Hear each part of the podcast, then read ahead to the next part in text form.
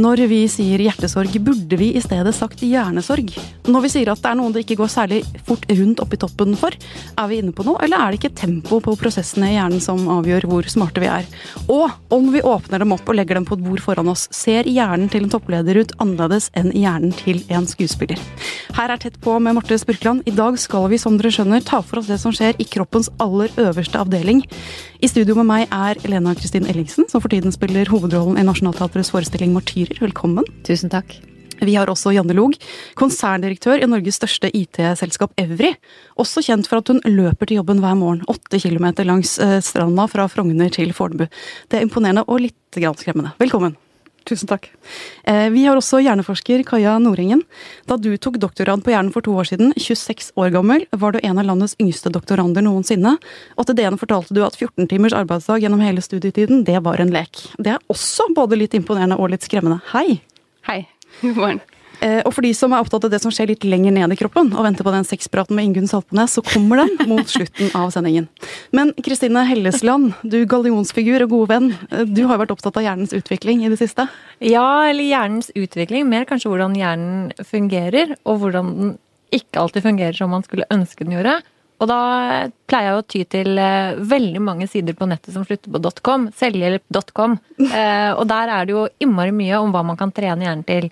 Bedre selvkontroll, bedre selvtillit. Um, slik stopper du hjertesorgen. Slik får du mer empati. I det hele tatt. Ja. Blir du inspirert, eller blir du motløs av dette her? At du faktisk må jobbe med hjernen for å komme ut av de mønstrene man måtte ønske å bryte? Eh, ja, umiddelbart eh, motivert, og så raskt demotivert.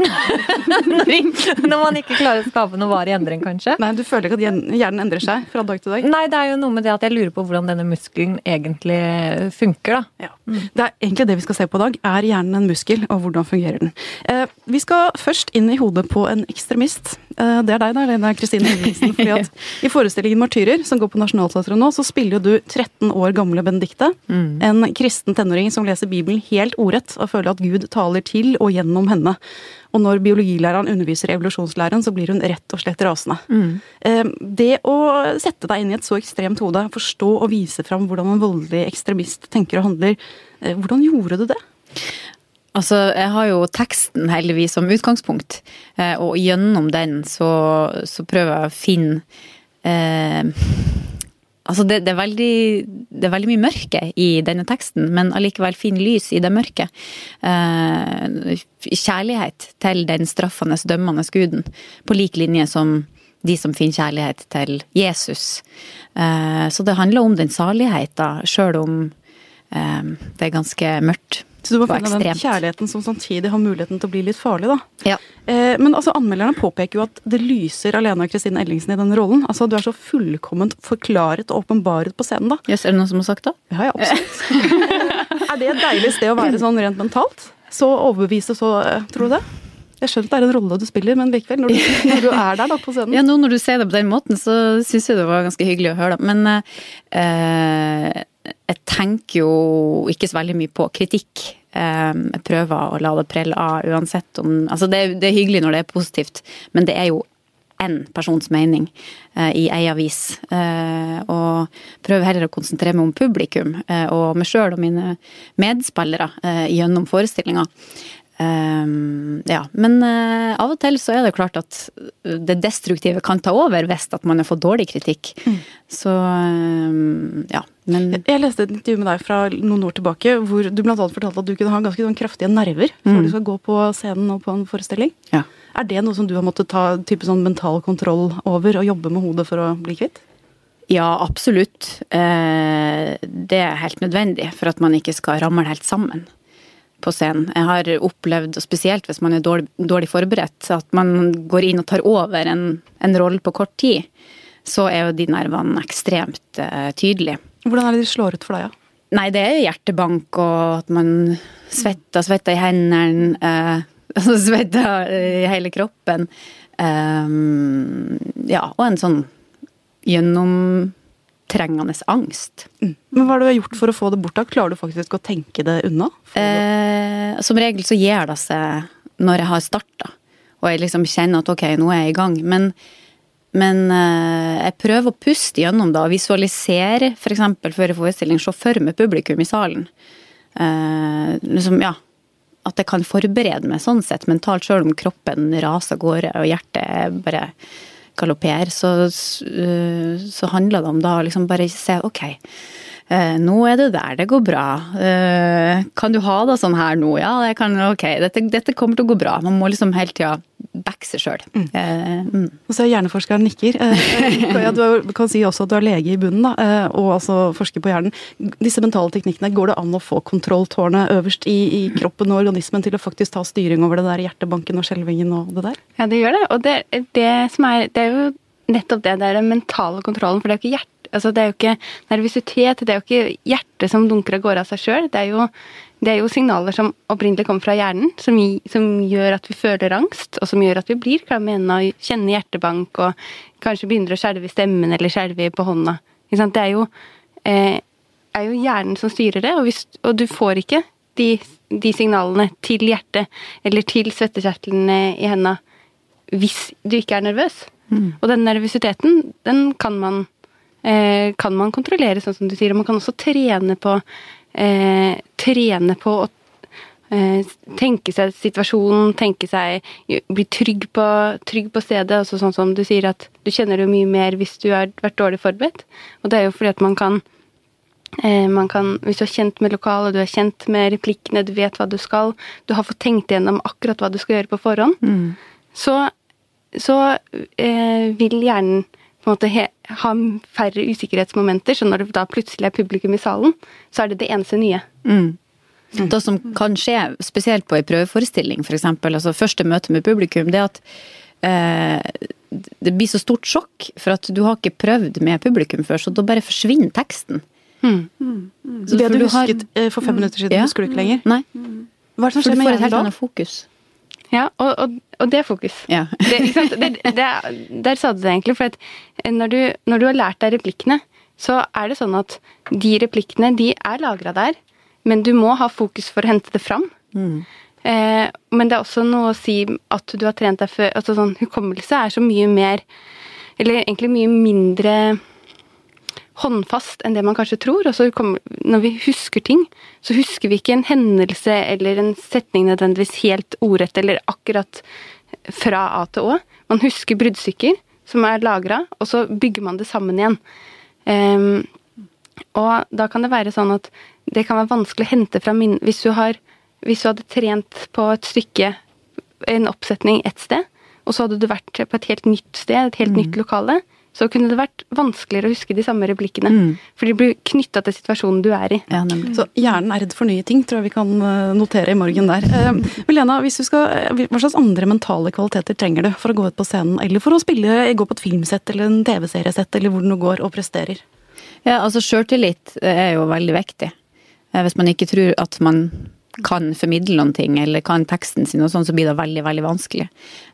Så det der å skape trygghet for seg sjøl, Eh, det er veldig, veldig viktig for meg, i hvert fall. Eh, så jeg prøver å Jeg, pugger tekst to ganger for mye enn to ganger for lite. Og føler frihet gjennom det, da. Eh, så det er kanskje en nøkkel for meg, i hvert fall. Selvtillit og forberedelse. Janne Log, du er jo da konserndirektør i Norges største IT-selskap med en horv av ansatte under deg, og driver og leverer masse IT-tjenester som benyttes av banker og teleselskaper og næringsliv og i det hele tatt. Hvilke kapasiteter trenger du aller mest i hverdagen? Eh, vi er jo en kunnskapsbedrift, så for meg er det veldig viktig å samarbeide godt med de medarbeiderne jeg har. Eh, så evne til samarbeide, evne til å lytte, eh, og evne til å stake ut en kurs. Mm. Mm. Er det noe som er medfødt, eller kan man trene opp det? Både og. Også sånn, I utgangspunktet så er eh, funksjon, mye av funksjonen i hjernen er medfødt. Men når vi fødes, så er hjernen umoden og formes fra dag én. Mm. Eh, og den blir forma gjennom oppveksten, hvem vi er sammen med, men også gjennom hvordan vi tenker, hvilke, hvilke valg vi tar, hvilke retning vi staker ut for oss sjøl, og, og, og, hvordan vi bevisst pusher oss og, og trener, trener, mentalt. Men, har du måttet døve? Eh, ja, jeg har i hvert fall utviklet meg vil Jeg, jeg så ikke for meg lederkarriere, og i hvert fall ikke IT, når jeg var 20. Sånn at eh, man utvikler seg etter hvert, og så ser man hva man har av egenskaper, og så får man litt trening og litt selvtillit og litt styrke, og så går man videre, og så ser man noen nye muligheter. Men Som eh, I lederbransjen så snakker man jo mye om altså jeg ser um, mannlige toppledere som intervjues i Dagens Næringsliv, de snakker om killerinstinkt. Mm. Det må man ha. Eh, litt sånn Hvordan tolker man det? Litt sånn nådeløshet? Litt sånn gå på, koste hva det koste vil. Har du den nå, eller? Kan du liksom Nei, jeg har ikke noe killerinstinkt. Nei. Nei. For det trenger du ikke. Det kan godt hende at det hadde vært fint å ha hatt, men jeg har det ikke. Eh, Jeg tror på det å samarbeide med folk og så se muligheter, og så går det seg til etter hvert. Eh, Og jeg tror ikke det med killerinstinkt skal skremme unge kvinner fra å velge en lederkarriere hvis de har lyst til det. Det er viktig. Mm. For det går fint an uten også. Ja, nettopp. For vi, vi snakker om lederjobber litt sånn på en maskulin måte, og dermed blir noen litt skremt av det, eller? Ja, det tror jeg, og det er litt synd, fordi at vi har fått veldig mange dyktige kvinner inn i politikken og i organisasjonslivet, og det er langt flere kvinner enn menn som tar høyere utdannelse. Så la oss få ditt næringsliv også. Det er viktig. Mm. Ser du på det som en oppgave for deg, i tillegg til den jobben du gjør, å faktisk være en rollemodell for andre kvinner som vil opp og frem? Jeg har en datter på 16. Hvis noen hadde omtalt meg som en rollemodell, så ville hun knukket sammen av latter. Men, men jeg syns i hvert fall det er viktig å vise fram ulike typer kvinner i ulike roller for å få de unge jentene, som jeg tror strever litt mer med selvtilliten enn de unge gutta, til å strekke seg litt lenger og bare tørre.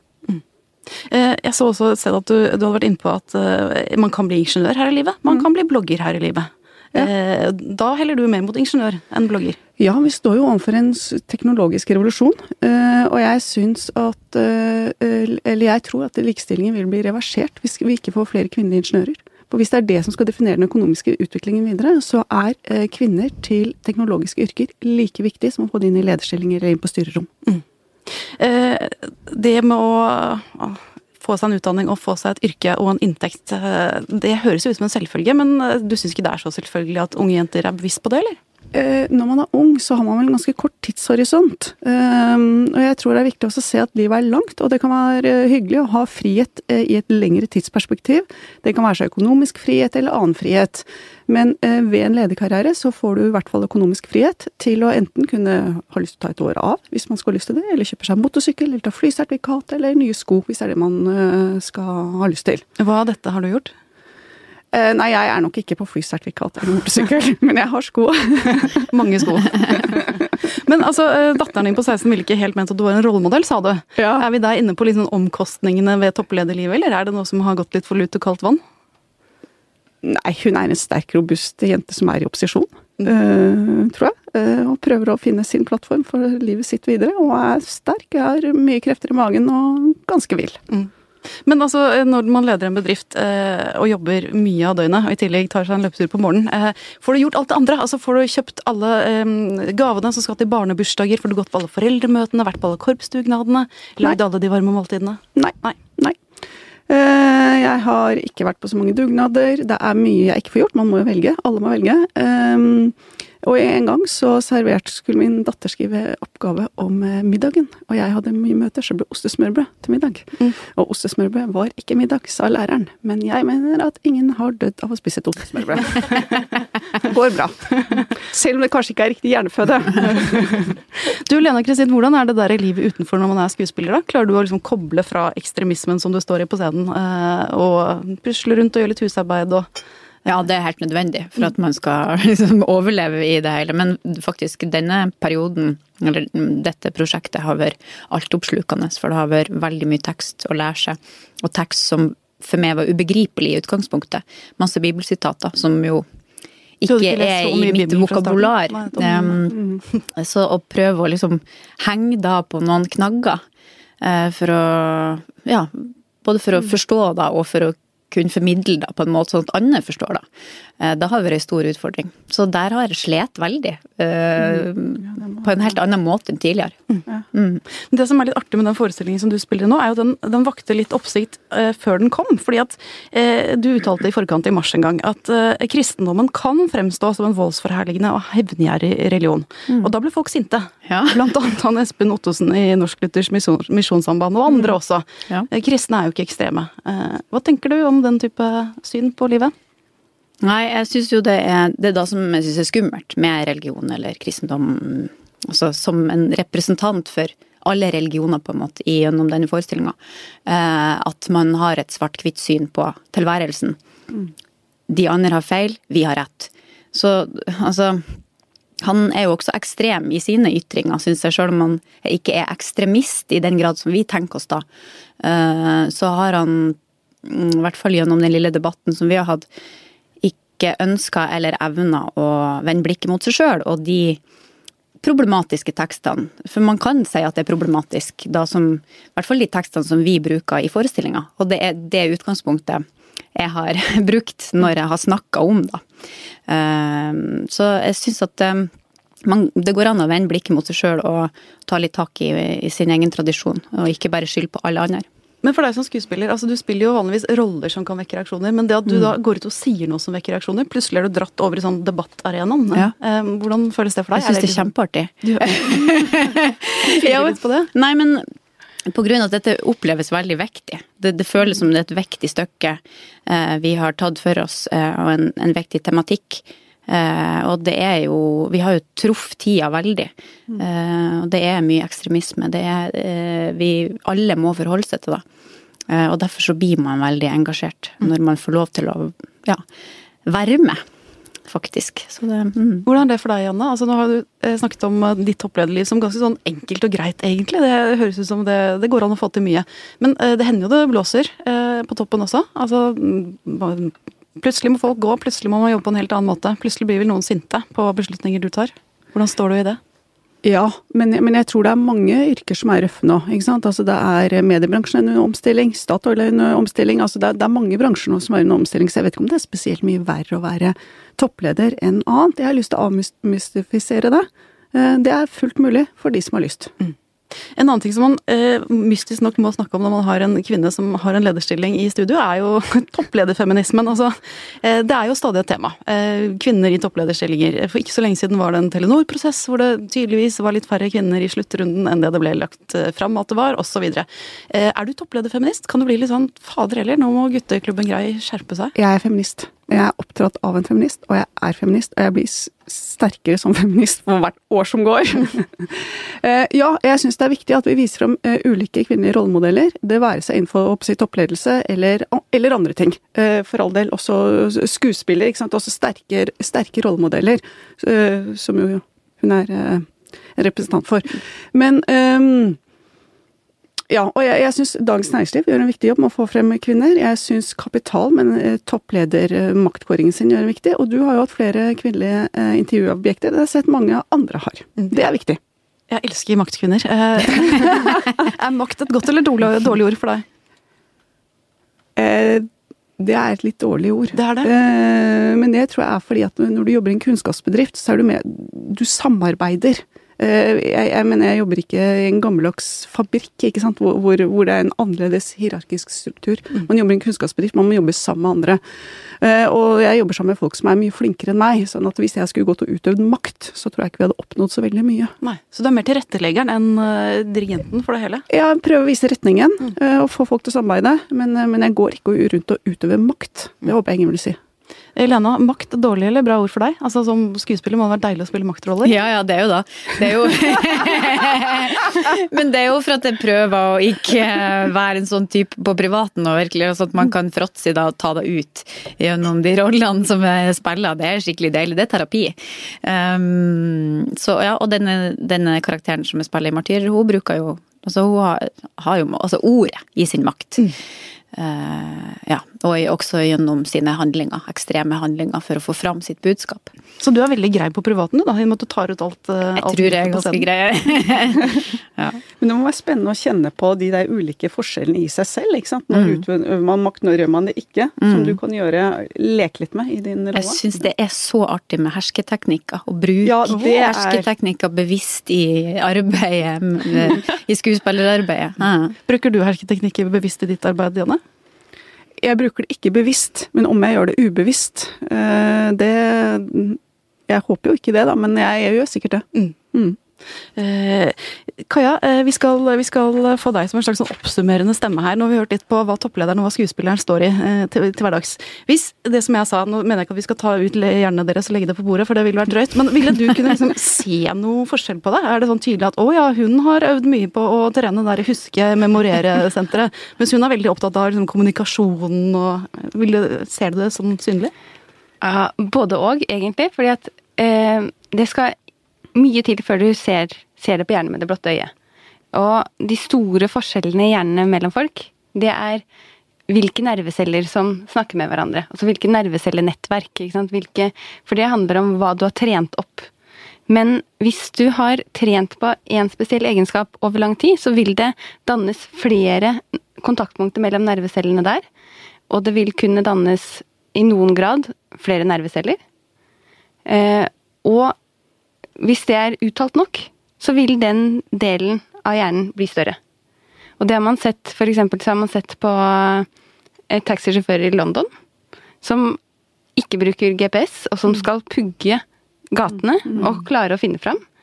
De har en, større, en, en del av hjernen som kalles sjøhesten, i tinninglappen på sidene. Eh, det er der hukommelsen innla, Innlagringa av hukommelsen er. Og de hadde større hippocampus, større hukommelsessenter enn de kontrollpersonene. De som besto den drosjeeksamen, hadde større hippocampus enn de som ikke besto. Mm. Så pugge utenat fungerer. Da påvirker du hjernen? På, ja, ja, det gjør det. Så jeg tenker at sånn som du har trent opp masse med masse replikker over lang tid, har jobba mye med hukommelsen. Eh, og det kan godt være at du da ville hatt større hippocampus enn gjennomsnittet. Men jeg husker jo ingenting ellers.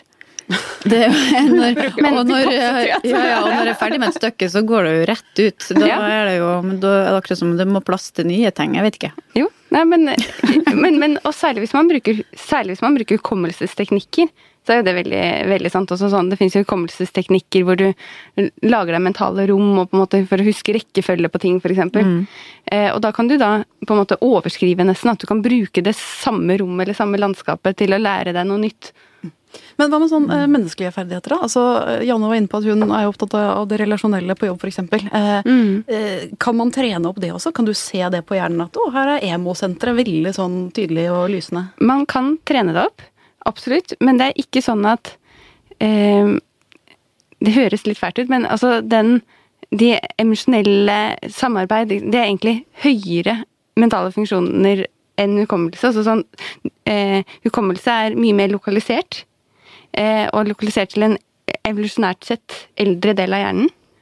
Eh, mens når vi kommer til eh, mer med kommunikasjon, emosjon Eller kontroll av emosjoner samarbeid. Da er vi på en måte oppe i hjerneparken. Da er det mye mer spredt. Da er det mange flere sentre i hjernen som samarbeider. Jeg kan ikke på en måte pre... Det er litt mer sånn vanskelig. Det er flere krefter ja, som må i sving. for å få til det. Jeg kan ikke på en måte peke på én, ett område og si at å, der er eh, emosjon Der er, har vi empatiflekken. Mm. Den har blitt svær.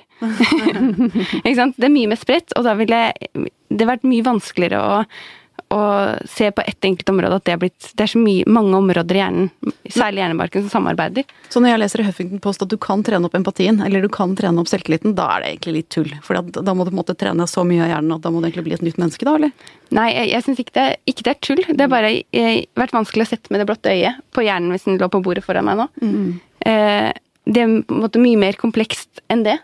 Men det er absolutt sånn at man kan Eh, nesten, nesten, alt i hjernen kan trenes opp. For hjernen er ikke sånn som vi er Den er ikke et produkt vi er født med, og sånn er resten av livet. Og du er stuck med den på den måten. Men det er, det er mye mer sånn at du eh, Når du gjør noe, og du gjentar det, så vil det dannes ny, hele tida dannes nye nervecelleforbindelser. Og hvis du bruker den, de forbindelsene som du har danna, så vil de bli stabile.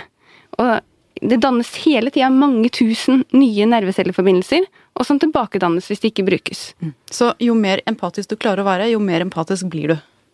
Altså, du, eh, det er absolutt sånn at hvis du eh, Hvis du er i et miljø hvor ingen er empatiske altså, så Jeg tenker sånn eh, Hvis man ser i historien, eksempel, hvis man ser personer som har endt med å jobbe kanskje i en konsentrasjonsleir, eller som har mm. endt med å være ekstremister og på en måte få et helt mm. annet mm. tankesett enn hva som er vanlig utenfor den enkelte gruppa. Så eh, så tror jeg nok man kan bli overraska over personer, hvilke personer som kan ende opp der. Og hvor, på hvilket tidspunkt begynte du å synes at dette var greit? Eh, og det har med det, ha, det er det jo ikke sånn at du vokste opp et fint hjem, du hadde gode venner, du hadde kanskje en god utdannelse. Hvordan endte du her? Og da er det jo fordi at da har det vært dan, Det har danna seg nye regler på hva du har syntes vært greit. Eh, når du, eh, jeg, som sagt innledningsvis, jeg, jeg er litt sånn imponert over eh, at du tok doktorgrad på hjernen. Først studerte du litt sånn medisin, eh, som er hovedgesten din, og så tok du doktorgrad på hjernen etterpå, eh, som veldig ung. Når du står og snakker sånn som dette her, f.eks. Eh, i et middagsselskap eller langs en bardisk et eller annet sted. Eh, Hei, jeg heter Kaja, jeg er hjerneforsker. Blir folk litt sånn stressa da? Rygger de bakover og føler seg litt døde, eller er det mer interessant og gøy? Eh, både òg. Jeg pleier ikke å si det hvis jeg ikke får direkte spørsmål. Du holder det litt skjult? jeg syns det kan være morsomt å møte nye mennesker uten å på en måte at man setter hverandre i bås med en gang. Og så sånn eh, man har Når man hører yrket til noen og hva de holder på med, så har man en tendens til å tenke stereotypier. Mens eh, jeg syns det er ålreit å bli kjent med folk, og så kanskje etterpå få høre hva de holder på med. Så slapper alle litt mer av. Men, men selvfølgelig, det er, jeg kommer absolutt i sosiale settinger hvor, eh, hvor det kommer fram. Og jeg syns ofte det har ført til ganske mange interessante spørsmål og diskusjoner. Hva med deg, Janne? Altså, eh, hei, jeg heter Janne, jeg er toppleder. Nei, det har jeg ikke sagt. Det er ikke sånn jeg definerer meg selv. Nei.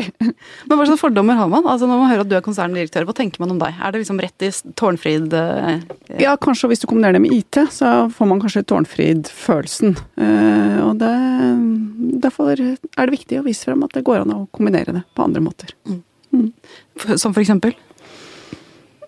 Nei, altså at eh, man trenger ikke å ha satt seg et mål om å bli toppleder som 14-åring, og, og peise på gjennom hele tenåringsperioden når man er som mest usikker. Ting går seg til underveis, og det vil dukke opp nye muligheter gjennom et langt jobbliv. Og, og hvis man har det i seg, så vil man gripe de mulighetene og søke den veien. Mm. Eh, Jeg tror man skal gi seg litt mer tid. Og man trenger ikke å være én spesiell type menneske for å få det til. Man trenger ikke å ha et sterkt utviklet killerinstinkt. Nei. Helena, eh, skuespillerklisjeene. Man kan jo liksom tenke seg at åh, hun sover sikkert litt dårlig om natta og tar seg sikkert et par ekstra fester eh, i uka i forhold til alle andre. Ja, nei, det kan jeg bare ja, dementere eh, med en gang. Leve et veldig kjedelig liv, for så vidt, utenom jobben. Det, er liksom der jeg tar det ut. Og så um, ja, tar meg jo selvfølgelig en fest i ny og ne. Men um, ja, jeg lever et vanlig familieliv, eh, sånn som veldig mange andre. Alle mennesker er vanlige. Det er Ja. jo egentlig fint det Trist. også. Eller fint. Eh, Kaja, eh, jeg hadde noen spørsmål på starten her. Man snakker om hjertesorg, ikke sant. Eh, Hvis man blir knust av noen, og det skjer jo gjennom livet, så føler man jo rent fysisk at man har vondt i hjertet. Kanskje i liksom resten av kroppen, og man blir tynn og man får vondt i magen og de greiene der. Burde vi egentlig sagt hjernesorg, fordi at det er i hjernen det sitter? Ja, det burde det. Uten hjernen hadde du ikke hatt sorg. Du hadde ikke hatt en tanke i det hele tatt. Så hjernesorg også. Eh, og, og dette her med at eh, man sier at eh, noen eh, her går ikke så veldig fort rundt i topplokket. Er man inne på noe da, eller er det også helt feil?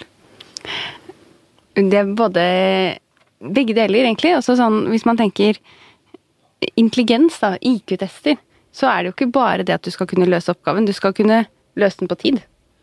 Altså, du har ikke uendelig med tid på en intelligenstest. Du må på en måte ehm, Kan ikke ta deg to uker og se om du da klarer å løse oppgaven. Eh, så sånn sett så kan jeg si at det, om det går fort i topplokket eller ei. Men det er ikke noe sånn at rent fysisk at ehm, at en intelligent person har raskere signaler enn en mindre intelligent. Nei, det kan du ikke se hvis du legger to hjerner på bordet. Eh. Nobelprisvinneren og den mindre begavede. Nei, eh, nå hadde jeg litt problemer med å være bastant, kjente jeg. fordi at i utgangspunktet ikke. Eh, men det har kommet litt ny forskning den siste tida. For før så tenkte man at læring, når du lærer noe nytt, så er det bare det at det dannes nye nervecelleforbindelser. Ikke sant? Og at de forbindelsene som dannes mellom nervecellene, de blir sterkere. Men så har man sett at det er ikke bare forbindelsene, men det er også veien. Ikke sant? Det, er ikke, eh, det er ikke bare mellom nervecelle A og nervecelle B, men det er også hele veien langs først nervecelle A og så nervecelle B. Og der er det eh, et sånt isoleringsmateriale som ligger rundt for å sørge for at signalet går fort. Et elektrisk signal, akkurat som vi har eh, isoleringsmateriale rundt ledninger. Det er Glavabotn i huet. Ja, ikke sant? Og, det, og den, det isoleringsmaterialet, det eh, Det er jo for øvrig det som blir ødelagt ved enkelte sykdommer, sånn som f.eks. MS. Men ved læring så har man faktisk sett at det dannes mer av det isoleringsmaterialet. Det blir tjukkere, sånn at signalet sannsynligvis går enda raskere på de nervebanene du bruker ofte. Jo mer du leser, jo smartere blir du. Ja, hadde du en replikk? Ja, da for at jeg bare lurte på, apropos da, og det er jo kanskje da du er inne på nå, Mm. for jeg syns ofte altså, intelligente folk snakker veldig fort. Altså, det, man drar konklusjoner veldig fort, og man liksom er veldig kjapp i replikken. Har det noe med det å gjøre? Jeg tror nok eh, sånn, om, om, hjerne, om hjernen så vet vi for lite. Altså det sier det med at, isoleringsmateriale, at det blir mer isoleringsmateriale når du har, har, eh, har lært noe, og at den banen du bruker blir bedre isolert. Det er veldig, veldig ny kunnskap.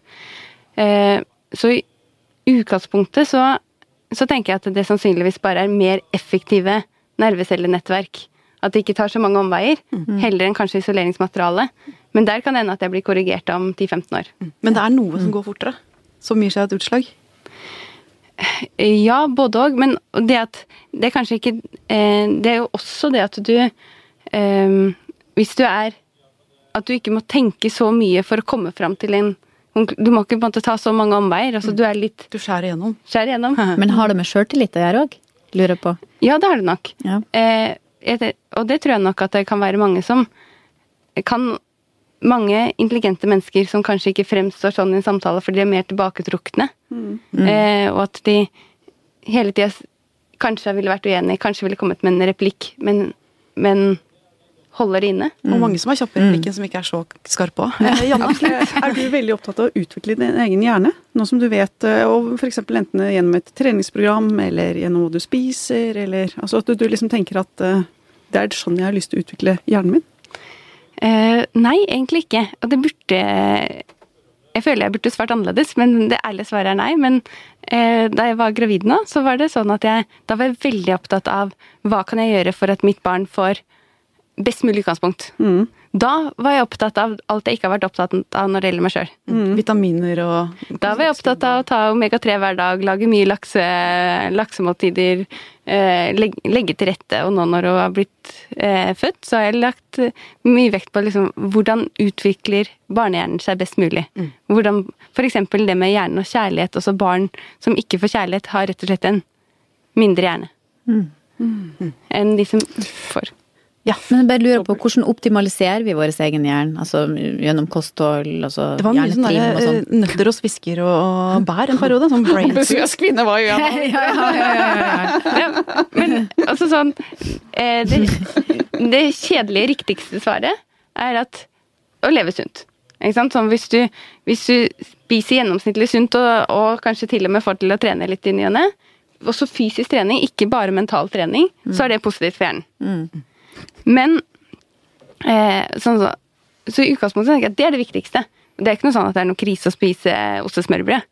Men hvis man innimellom får i seg litt omega-3 og laks, så er det positivt. Men, men generelt sett så er det pakka. Ikke sant? Det, eh, hvordan du lever livet ditt. Hvis du, eh, hvis du lever sunt og trener og spiser gjennomsnittlig sunt, så er det da er du langt på vei. Og får nok kjærlighet. Da blir det ostesmørbrød, ostesmørbrød og trankapsel til kvelds, kjenner jeg. Og litt kjærlighet. Eh, Vi skal, vi skal lukke denne hjernesesjonen for denne gang. Det var en fryd å ha dere her, både Janne Log, Lene Kristin Ellingsen og Kaja Noringen. Tusen takk til dere. Da skal vi over til helt andre måter å bruke hodet på, for nå har Ingunn Saltbones kommet i studio. Det betyr at vi skal ha en sexprat. Eh, Og Ingunn, det er ikke så ofte man anbefaler egoisme i samlivet, men det gjør du i dag. Ja, jeg tenkte jeg skulle snakke litt om hvorfor vi faktisk må være litt egoistiske i senga hvis det skal bli en bra opplevelse. Fortell. Ja, nei, altså det ene er at vi nordmenn, kanskje spesielt nordmenn, er jo veldig opptatt av at vi må yte før vi kan nyte. Eh, og det tror jeg mange tar med seg inn i, inn i sexlivet også. På en måte Den der innstillingen med at du må, du må liksom jobbe for det, du må slite deg opp til den høye toppen før du kan unne deg Kvikk Lunsjen. eh, og derfor så tror jeg også mange i senga, eh, fordi vi er så godt oppdratt, da, det er jo, det er jo bra det, for all del, men eh, at mange blir liggende liksom selv mens på en måte den andre egentlig prøver å tilfredsstille dem og gi dem nytelse, og for at de skal ha det bra, så begynner de å tenke på det de skal gi tilbake. Og begynner å liksom, nesten ligge litt sånn på ank og tenke at å nei, nå er det sikkert min tur, og hva skal jeg gjøre nå, å ja, jeg må legge merke til hva han eller hun gjør nå, så kanskje jeg kan gjøre det samme etterpå. Og i det øyeblikk du begynner å gå inn i hodet ditt på den måten, og begynner å analysere og gruble og tenke for mye, så klarer du jo ikke å nyte. Så der, eh, Jeg syns vi har vært inne på det samme temaet flere ganger. Det å liksom være godt oppdratt er ikke akkurat det man skal være i senga. Nei, nei, der skal man leve ut de andre sidene av seg selv på mange måter, da, eller? Ja, altså jeg, jeg mener jo ikke at man på en måte skal være eh, eh, verken uhøflig, behandle den andre dårlig, ikke være opptatt av den andres nytelse. Men man skal tenke på seg selv også. Ja, og at man noen ganger faktisk må tenke på seg selv først. Og også ha det fordi at hvis du Vi har vært inne på det også før, dette med eh, å, å, kunne få orgasme. Og det gjelder jo spesielt for kvinner, hvor det kan noen ganger være litt vanskeligere enn for menn som gjerne får det nesten uansett. Eh, for at skal du få orgasme, så må du klare å være helt til stede i din egen kropp. Du må klare å gå helt liksom inn i deg selv, og da må du kanskje til og med da under akten bli litt fjern fra partneren din. Kanskje du må forfølge en seksuell fantasi i ditt eget hode for å få den der ekstra piffen og drahjelpen som du trenger for å få orgasme. Sånn at da, da kan du ikke samtidig være helt og fullt til stede for partneren din, fordi du rett og slett må gå litt sånn inn i din egen kropp og inn i ditt eget hode. Og det vil jo da Poenget mitt er at det er jo ikke egentlig så egoistisk, fordi det gagner jo da partneren, som som regel syns det er veldig hyggelig at du også får en orgasme. Men altså, jeg har et spørsmål i, i den forbindelse. For hvem er det egentlig som har lyst til å ha sex med den egoistiske partneren? Altså hvis man, hvis man går til partneren sin og initierer sex øh, og har kun sin egen nyttelse i fokus, hvordan skal man gjøre det? Skal det gå på rundgang, da? Skal man ha liksom min tur, din tur-ordning, eller? Ja, nei, altså jeg tenker jo at i, i utgangspunktet så tror jeg de fleste partnere vil, vil sette pris på å se at den andre eh, nyter og begjærer og, og, i det hele tatt har det bra. Eh, så jeg tror på en måte ikke at det, det, vil oppleves som egoisme av den andre, og at den andre er slem på noe vis. Men for å unngå den derre eh, følelsen av å ligge på ank og, nå er det kanskje min tur til å trå til her, og, og kan jeg egentlig ligge her og nyte lenger nå? Så tenker jeg man kunne jo prøve, da, i hvert fall. Det er ikke sikkert det vil fungere for alle, men man kunne prøve å ha sånn tida. Altså nå, ok, nå setter vi på klokka. 20 minutter nå, så skal jeg bare gi deg all den nytelsen du bare drømmer om. Hvor har du lyst til at jeg skal ta på deg? Hvor har du lyst til at jeg skal kysse deg? ikke sant? Så tar man det, og så ringer klokka til 20-tida, og så bytter man på. For da vet man at nå er det min tur. Nå skal ikke jeg ligge på ank og tenke at, eh, og gruble på liksom eh, når, når det på en måte er høflig å bytte på og, og Veldig trå til. konkret, konkret, da. Ja, konkret ordnede former, øh, og kanskje heller da maks nytelse hver sin gang enn 50 nytelse samtidig? Ja, i hvert fall prøv det. Bare som en variasjon. Se. Det føler jeg var et veldig godt råd for helgen. Tusen takk, Ingunn Salpones. Da blir dagens oppsummering fra Tett på. Dyrk den positive egoismen i senga. Hjernen kan brukes til så mangt. Den kan faktisk trenes opp til ting. Og ikke minst, alle mennesker er vanlige. Takk til vår produsent Magne Antonsen og til Kristine Hillesland.